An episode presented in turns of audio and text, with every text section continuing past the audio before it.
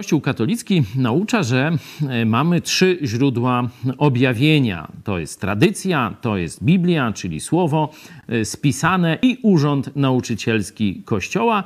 No i niestety one nie są na równi, tylko Urząd Nauczycielski Kościoła decyduje, co jest y, tu prawdą, podaje do wierzenia zarówno z tradycji, jak i z Biblii.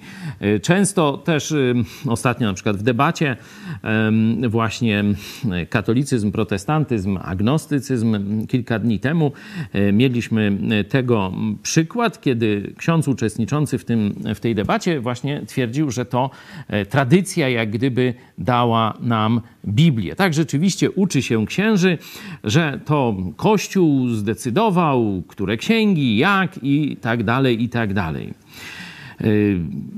Nie będę oczywiście szerokiej polemiki z tym e, toczył, ale zobaczcie, jeśli tak, to jakie katolik ma podejście do Biblii? No, mniej więcej takie jak do katechizmu.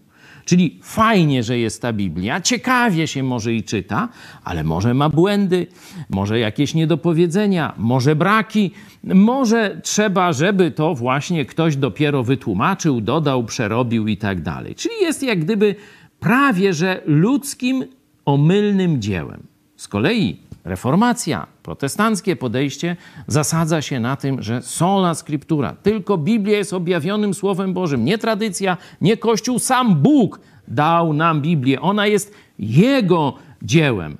Zobaczcie, kiedy protestant czy człowiek z takim nastawieniem do Biblii ją czyta, to wtedy traktuje to rzeczywiście jak słowo od Boga. Całkiem serio. Zobaczcie, Psalm 140. Słowo Twoje jest całkowicie czyste. A Psalm 12 dodaje: Słowa Pańskie są słowami czystymi, srebrem przetopionym, odłączonym od ziemi, siedmiokroć oczyszczonym. Widzicie różnicę?